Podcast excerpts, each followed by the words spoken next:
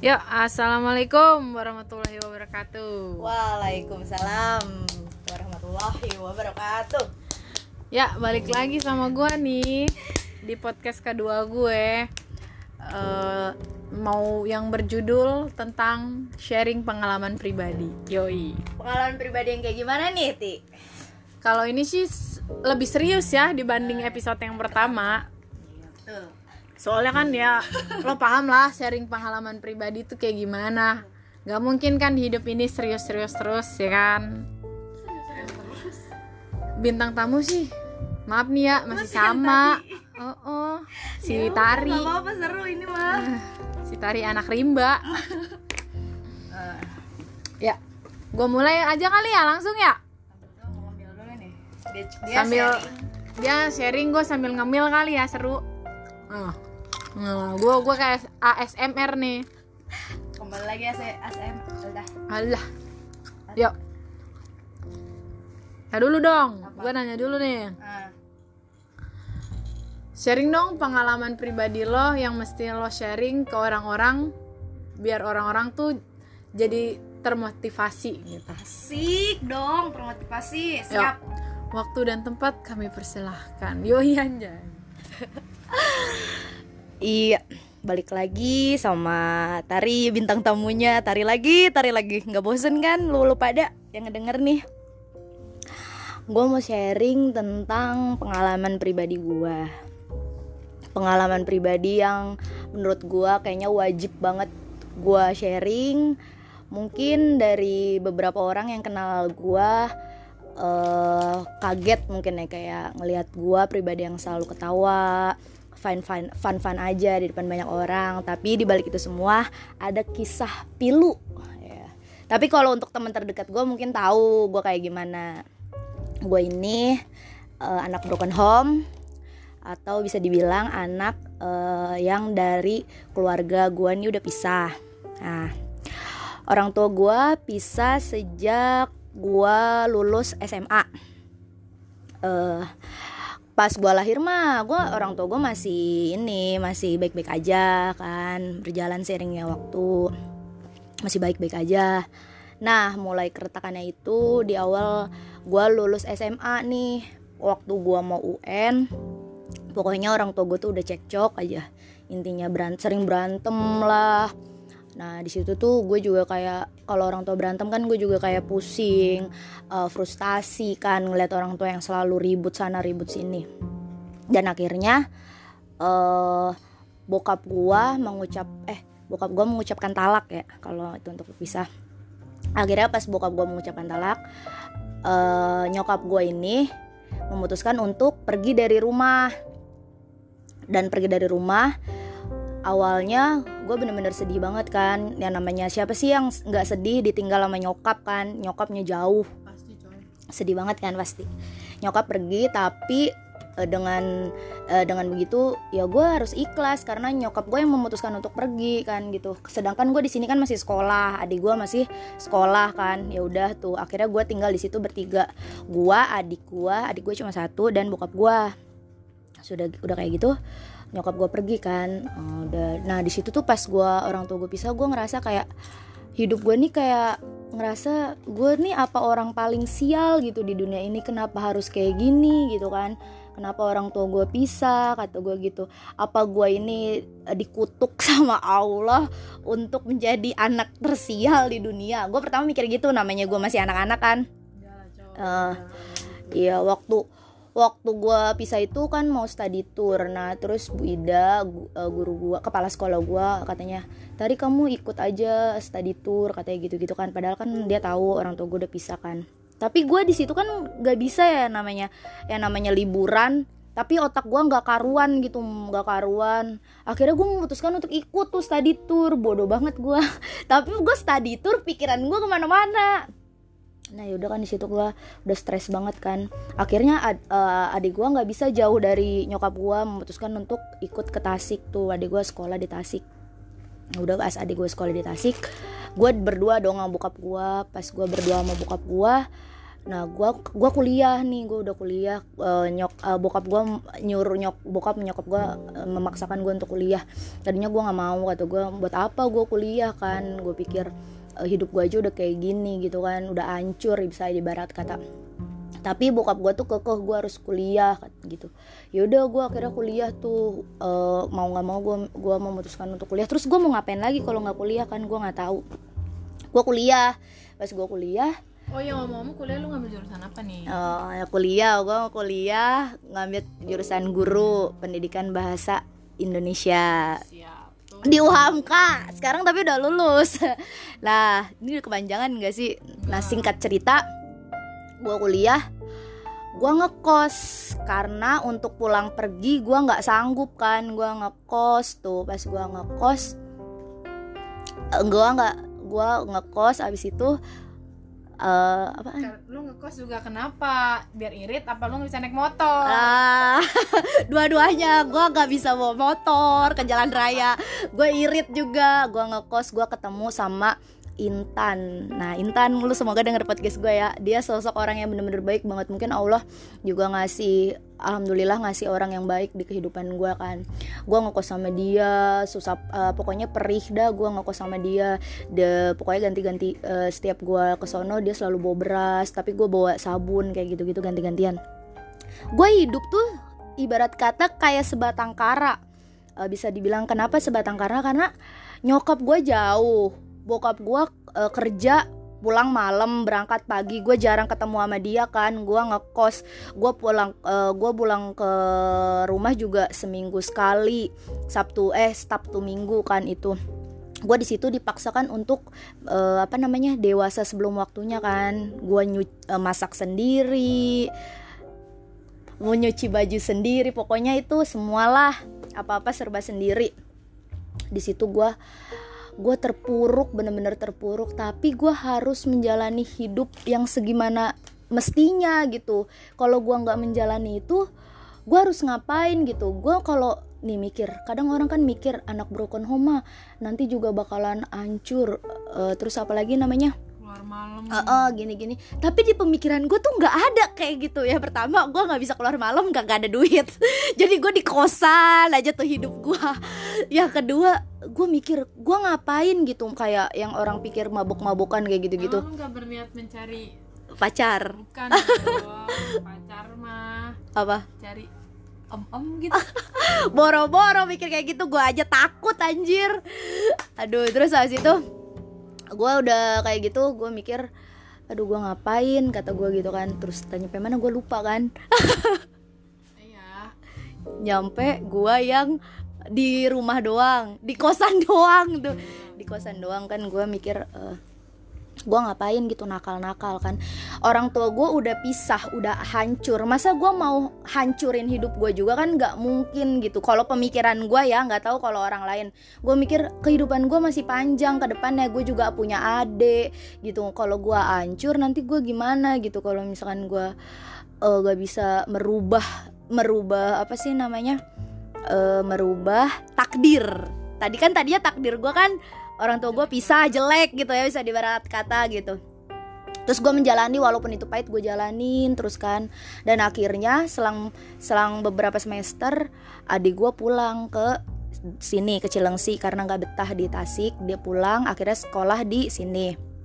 Pas sekolah di sini gue udah lulus kuliah. Nah gue lulus kuliah ini gue dipaksa juga menjadi dewasa. Yang tadi seperti gue katakan gue di rumah ngurusin adik gue udah ngurusin adik gue gue pagi-pagi subuh masak sendiri.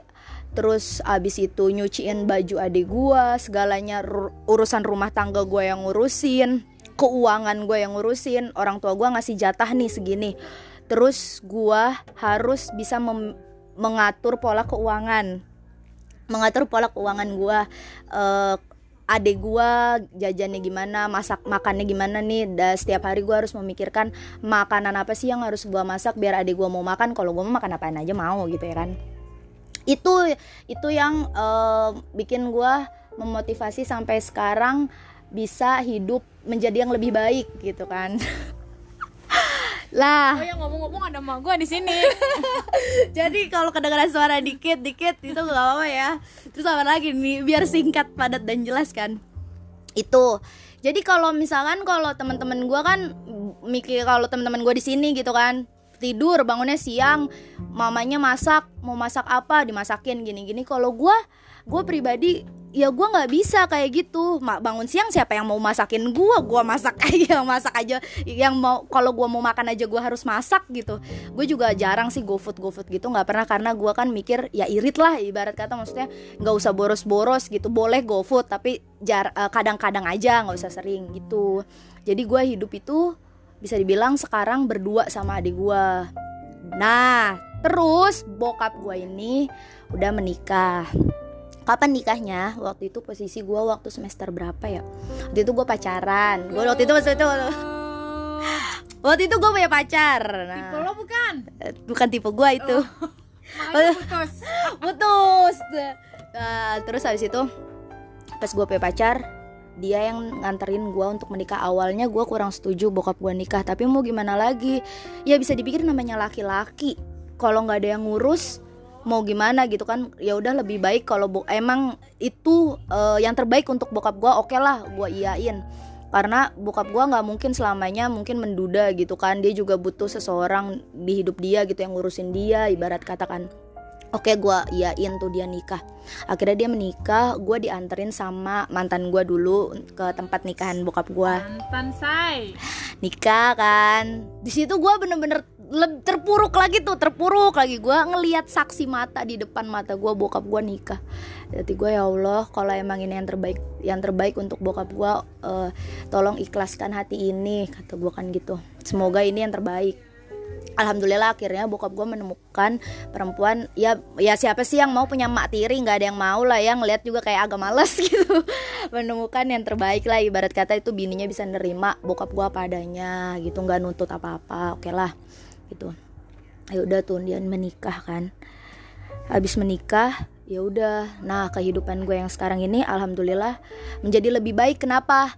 Waktu zaman nyokap sama bokap gue masih masih bersuat, berstatus suami istri mereka sering ribut kan. Tapi kalau sekarang sudah bercerai eh apa sih namanya lebih komunikasi gua sama nyokap gua lebih baik. Maksudnya kita itu eh lebih apa ya hmm, lebih baik lagi lah intinya. Jadi komunikasi gua sama nyokap gua udah baik sama bokap gua juga baik. Kita sering sharing ngobrol gitu-gitu. Pokoknya intinya lebih baik lagi deh. Begitu ayo pertanyaan apa lagi nih Ti? Gua sampai ngantuk anjay. banyak kan ya ceritanya Enggak, enggak. Keren, keren.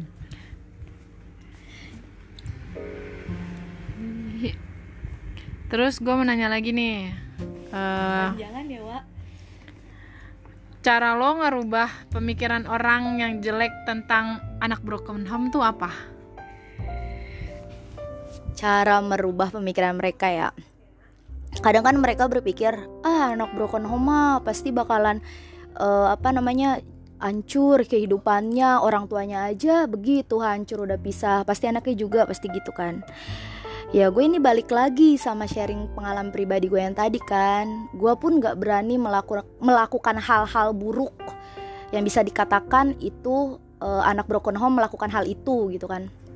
Gue melakukan ya yang apa sih seiring berjalannya waktu ya sesuai dengan kehidupan manusia biasa gitu. Gue kuliah gue pulang pergi gitu. Dan lingkungan sekeliling gue pun orangnya alhamdulillah maksudnya jalannya menuju jalan kebenaran gitu yang baik-baik. Jadi gue pun mengikuti alurnya segimana segimana mestinya gitu kan. Jadi ya kalau eh, bisa dibilang janganlah kalian mematok rata gitu eh, mengecap anak broken home itu eh, buruk gitu. Nggak semua kayak gitu gitu loh. Gue pribadi pun merasakan itu gitu. Gue pemikiran gue sih ya janganlah kalian mengecap seperti itu. Yang gue ya yang gue alamin nggak seperti itu gitu loh. Kita semua tuh bisa bisa berbeda gitu. Nggak semua sama. Terus apa sih yang nguatin lo sampai sekarang berada di titik sekarang lo ini? Oh yang ngomong-ngomong lo udah skripsi belum sih? Apa lo masih mentok di semester 7? Enggak lah, gue udah udah kelar ini. Kemarin baru sidang, jir. Agustus. Iya dapetin tanda tangannya. Tanda tangannya muter-muter dosennya jangan sebut nama, jangan sebut nama dosen deh ngeri gue. ngeri tak kesebar. Motivasi gua yang pertama adik gua deh, gue punya adik. Yang pertama motivasi supaya adik gue ini nggak trauma gitu loh ngelihat orang tua gue yang pisah gitu kan Oh, emang ngomong-ngomong adik lu kelas berapa? Eh, adik gue ini sekarang kelas 3 SMP Oh, gitu. SMP. Gue ngurusin dia ini, dia aja seneng gue urusin. Kayaknya dia yang ngurusin lu deh bukan lu yang ngurusin adik lu. Gak jelas.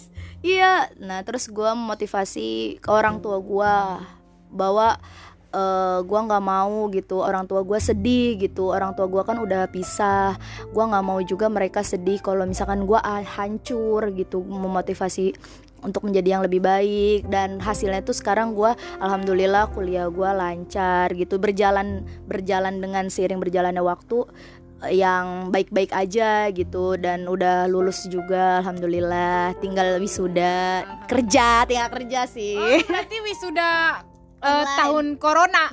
angkatan corona ya corona ya. Eh, gitu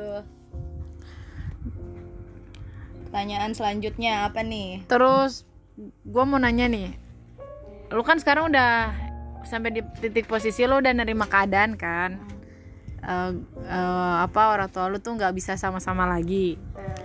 Terus perubahan terbesar dalam hidup lu tuh yang lu rasain sampai sekarang tuh apa sih?